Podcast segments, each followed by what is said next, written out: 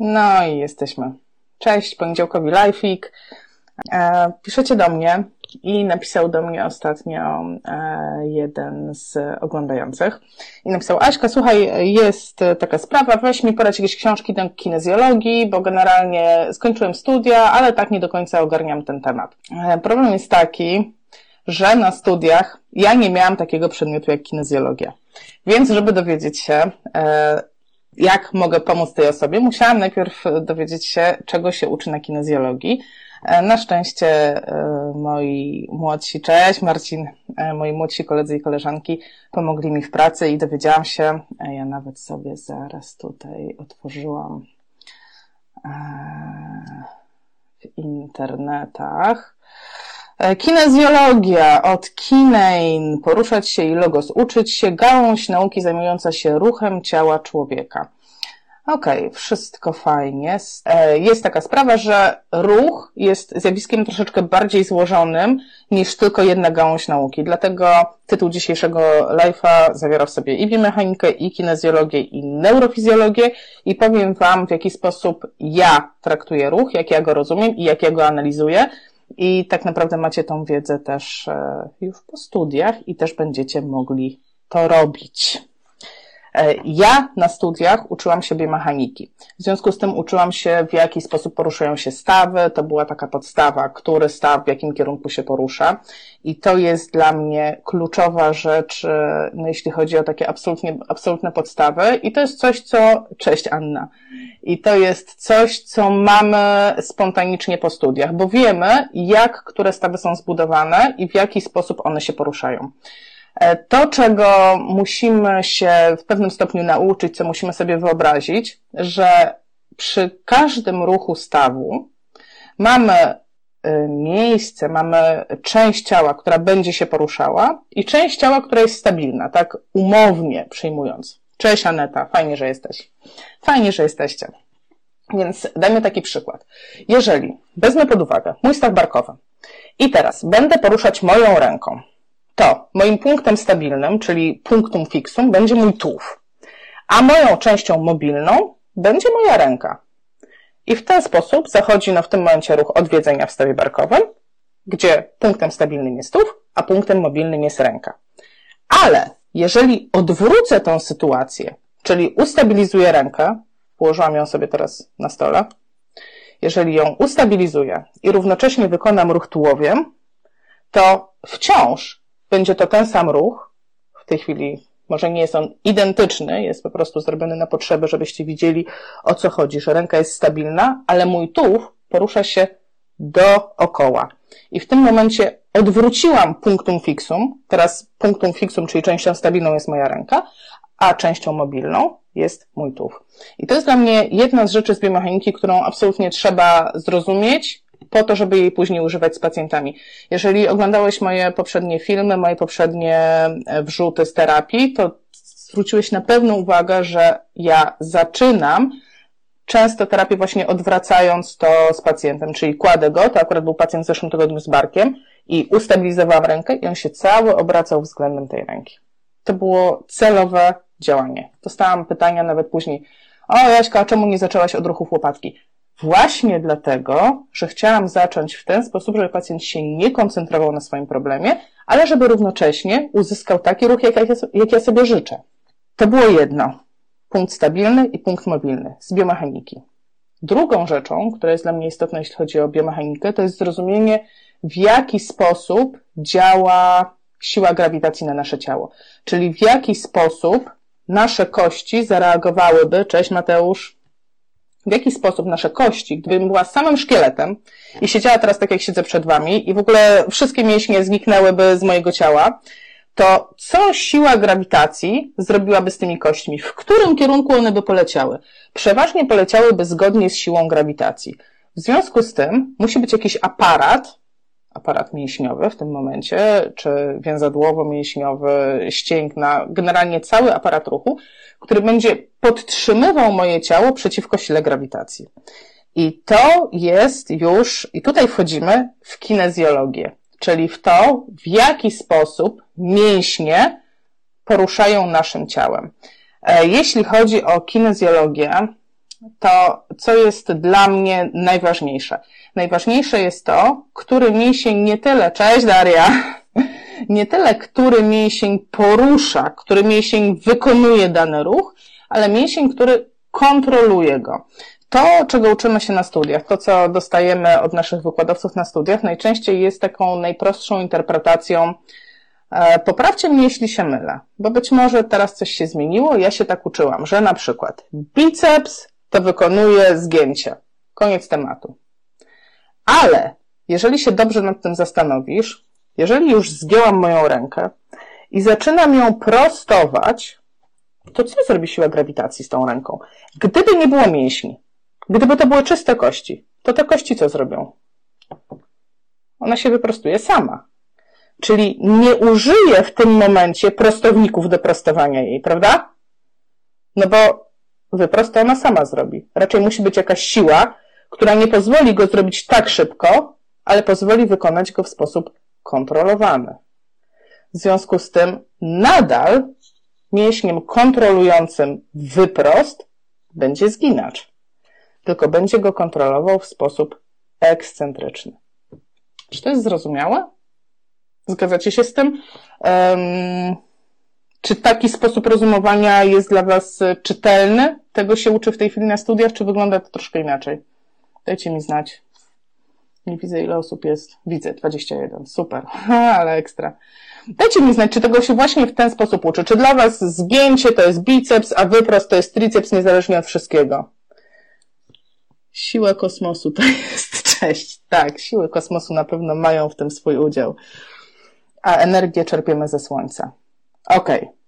To jest dla mnie druga rzecz, czyli praca koncentryczna i ekscentryczna. E, ja posłużę się tutaj takim przykładem. Otworzę sobie. Mm, otworzę sobie ćwiczenia dla kobiet. To są moje ćwiczenia, które kiedyś nagrałam. I zobaczcie. Teraz będę wykonywać ruch wyprostu w biodrach. Cyk. Pach. Poszedł wyprost. W momencie, kiedy biodra unosiły się do góry, to co działało? Jest to oczywiste. W stawie biodrowym musiały zadziałać prostowniki po to, żeby wyprostować ten staw. I w momencie, w którym jestem na samej górze i przytrzymuję tą pozycję, to tak samo te same prostowniki nie pozwalają moim biodrom opaść. No ale pojawia się druga część. Zaczynam opuszczać biodra w dół.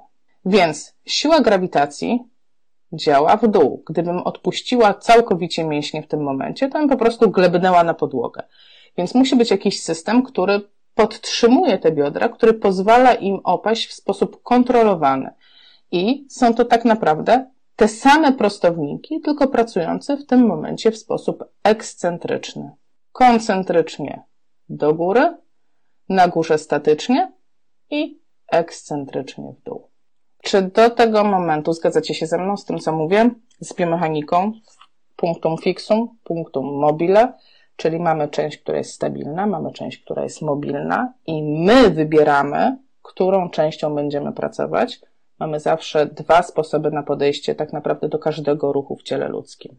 Druga rzecz, która nas interesuje, to jest jak na ten ruch działa siła grawitacji, ponieważ od jej działania będzie zależało, które mięśnie kontrolują dany ruch. Podkreślam, że nie jest to jednoznaczne, nie ma tam znaku równości pomiędzy wykonywaniem tego ruchu, ponieważ e, zazwyczaj mamy zginacze, prostowniki, odwodziciele, przywodziciele, co nie znaczy, że zginacze zawsze zginają, a prostowniki zawsze prostują.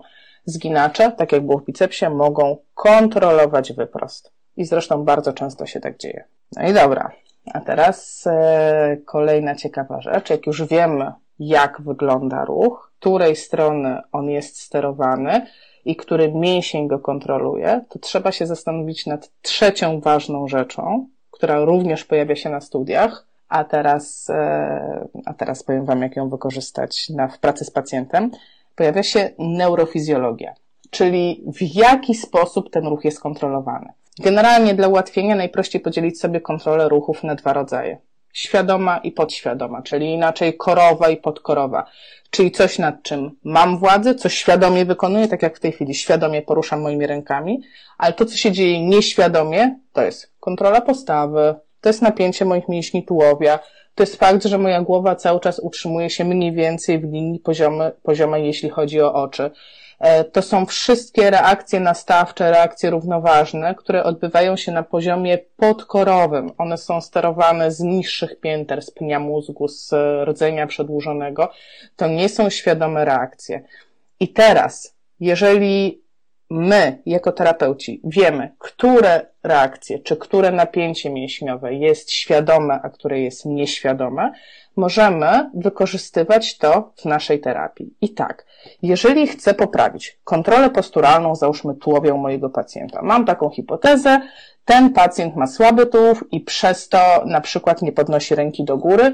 Na przykład taki, yy, taki przypadek zobaczycie na filmie, jak sobie zeskrolujecie w dół fizjopozytywnych, tam był taki film z Ukrainy, gdzie ćwiczę z pacjentem po udarze, który początkowo nie jest w stanie podnieść wysoko ręki do góry, i ja robię takie coś, że chwytam go za tułów, ściskam go mocno i on w tym momencie podnosi tą rękę wysoko. I to jest test, który pokazał mi, że moja hipoteza, którą było sprawdźmy sobie, czy on ma wystarczającą dobrą kontrolę posturalną, czy jego tułów jest wystarczająco sta- s- stabilny. Sprawdźmy to. Więc ja mu z zewnątrz dałam stabilizację. Po prostu ścisnęłam go na maksa, przytrzymałam i zobaczyłam, czy ręka pójdzie wyżej. I ponieważ poszła wyżej, było to potwierdzenie mojej hipotezy, że rzeczywiście ten tułów, gdyby był stabilny sam z siebie, to dałmy mu możliwość większego ruchu. I jeżeli chcę teraz pracować nad takim tułowiem, no to moim celem musi być e, tak jakby wspomożenie, torowanie podkorowego napięcia, no bo naturalnie, jak tak jak siedzę przed wami, to to napięcie jest podkorowe. Ja nie myślę o tym, żeby napiąć brzuch, ja nie myślę o tym, żeby moje plecy były napięte i tak samo nie myślę o tym, żeby moja głowa była w pionie. W związku z tym w terapii pacjenta muszę wdrożyć te elementy na poziomie podkorowym. I tak zresztą było w czasie tej terapii. Dostał zadanie, na którym się koncentrował. To był akurat kijek, na którym tam była jakieś, e, chyba karta leżała. Ta karta miała nie spaść, a on miał pracować tułowiem. I w tym momencie całe e, jego skupienie było na rzeczach konkretnych, na zadaniach, czyli na czymś czytelnym dla mózgu, a kontrola tułowia musiała się odbywać poza tym. Musiała być e, spontaniczna, musiała być zautomatyzowana. I w ten sposób pracowałam nad, y, u niego nad poprawą tej kontroli tułowia. E, czyli zobaczcie, nie położyłam go na plecach i nie robiłam brzuszków, chociaż tak mogłoby się wydawać, ok, ma słaby brzuch, to połóżmy gościa na plecy i niech porobi sobie 20 brzuchów, trzy serie, to akurat. Nie, niestety to tak nie działa i w ten sposób nie pracuję z pacjentami, bo byłoby to ćwiczenie podkorowych czynności na poziomie korowym. Cześć Danuta, dziękuję za śliczną buźkę.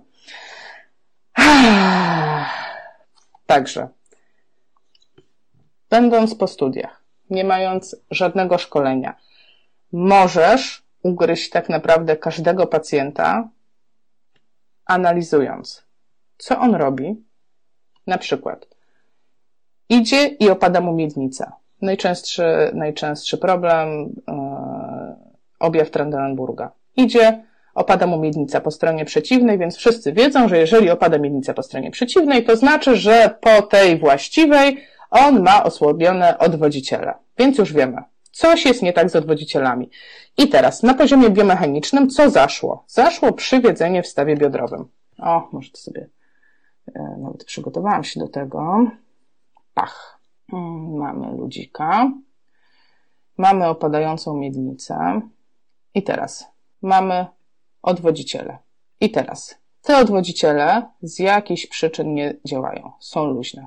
W związku z tym po przeciwnej stronie miednica opada. I to wiemy z biomechaniki, że tutaj powinno być niewiele ruchu w fazie przeniesienia tej nogi, bo mówimy o fazie podporu tej nogi w trakcie chodu, czyli w fazie przeniesienia te mięśnie nie działają tak, jak powinny, jeszcze nie wiemy czemu, więc miednica opada. To wiemy na poziomie biomechanicznym. Teraz na poziomie kinezjologii. Co się dzieje? One powinny działać względnie statycznie, ewentualnie lekko ekscentrycznie, ponieważ e, fizjologicznie tam niewielka, e, niewielkie odchylenia tej miednicy są, ale nie są duże. Generalnie miednica pozostaje w czasie chodu mniej więcej poziomo. Więc one powinny na poziomie podkorowym, pojawia się neurofizjologia, załączyć się w sposób statyczny bądź lekko ekscentryczny. I w związku z tym, jeżeli będę ćwiczyć w ramach terapii tylko i wyłącznie siłę mięśniową odwodzicieli, to jest to super, ale jest to działanie tylko i wyłącznie na poziomie biomechaniki, no bo ćwiczę ruch, i na poziomie kinezjologii, bo ćwiczę napięcie, ćwiczę skurcz koncentryczny i ekscentryczny tego mięśnia. Ale jeżeli chcę, żeby pacjent przeniósł to do życia codziennego, żeby to rzeczywiście zadziałało, muszę, bo się uduszę, włączyć w to neurofizjologię, czyli sprawić, żeby działanie tego mięśnia odbyło się na poziomie podkorowym. Jak to zrobić? W czasie wykonywania ćwiczenia dać dodatkowe zadanie, które zajmie korę mózgową. Jakie to może być zadanie? Jeżeli jest to pacjent, y, gdzie nie zależy nam na, na tym, którą półkulę stymulujemy, to dajemy zadanie tak naprawdę jakiekolwiek, jakie zajmie y, korę. Może to być na przykład liczenie w dół, odejmując od 100 co 3. 97, 94, 91 i tak dalej. I wtedy kora jest zajęta, w związku z tym miednica musi zadziałać automatycznie. Może być to zadanie w trakcie chodu. E, na przykład niesienie czegoś i pilnowanie, kontrolowanie obiektem obiekt, czyli na przykład na tacy niesienie piłeczki i żeby nie spadła. E, jeżeli jednak jest to pacjent neurologiczny i chcemy być jeszcze bardziej precyzyjni w naszych działaniach, chcemy tak naprawdę celowanie dobrać aktywności, więc jeżeli będzie to e, pacjent, który ma prawostronne zaburzenie, ma na przykład afazję bądź zaburzenia o cechach afazji, to zamiast liczb możemy dać mu zadanie e, werbalne, słowne, czyli na przykład wymieniaj słowa, które kończą się na literę S. Pies, dres, bies e, i tak dalej. W tym momencie nie dość, że mamy zadanie ruchowe, ale mamy również zadanie kognitywne i w dodatku nakierowane na problem pacjenta. I tak to właśnie się robi. Czy to, co powiedziałam, to jest dla Was czytelne. Dajcie mi znać, dajcie mi łapkę, żebym wiedziała, o, czy, czy to w ogóle e, przemawia do Was, to, co powiedziałam. Tak, dzięki Marta. Tak, teraz widzę. E, dobrze. E, o takich rzeczach i w ten sposób, e, e, właśnie w ten sposób ja prowadzę moich pacjentów, w ten sposób analizuję ruch i w ten sposób podchodzę do terapii. Jeżeli, czytelne, dziękuję Joanna. Dzięki Kasia. E, czy są jakieś pytania, na które Kora aktywowana, spoko. E, czy są jakieś pytania? Czy macie jakieś pytania, na które mogłabym odpowiedzieć? Czy taki sposób, tak sobie myślę, czy tej wiedzy nie było za dużo albo za mało? Powiedzcie mi, czy to jest to, czego oczekujecie po live'ach, czy może fajniejsze było pójście do pacjenta? Jak będę miała feedback, to jest mi łatwiej ogarnąć później spotkania z Wami. Kochani, nie ma pytań. Jak zawsze, było mi super miło Was spotkać. Było mi super miło, że przyszliście. E, widzimy się za tydzień, bo myślę, super. Bardzo Wam dziękuję, że przyszliście. Widzimy się za tydzień. E, no. E, te rzeczy też po części są u mnie na kanale na YouTubie, także subskrybujcie kanał na YouTubie, wtedy nic Was nie ominie. Tam się pojawiają naprawdę filmy, nad którymi ja pracuję. Kanał się nazywa Joanna Tokarska Fizjopozytywnie.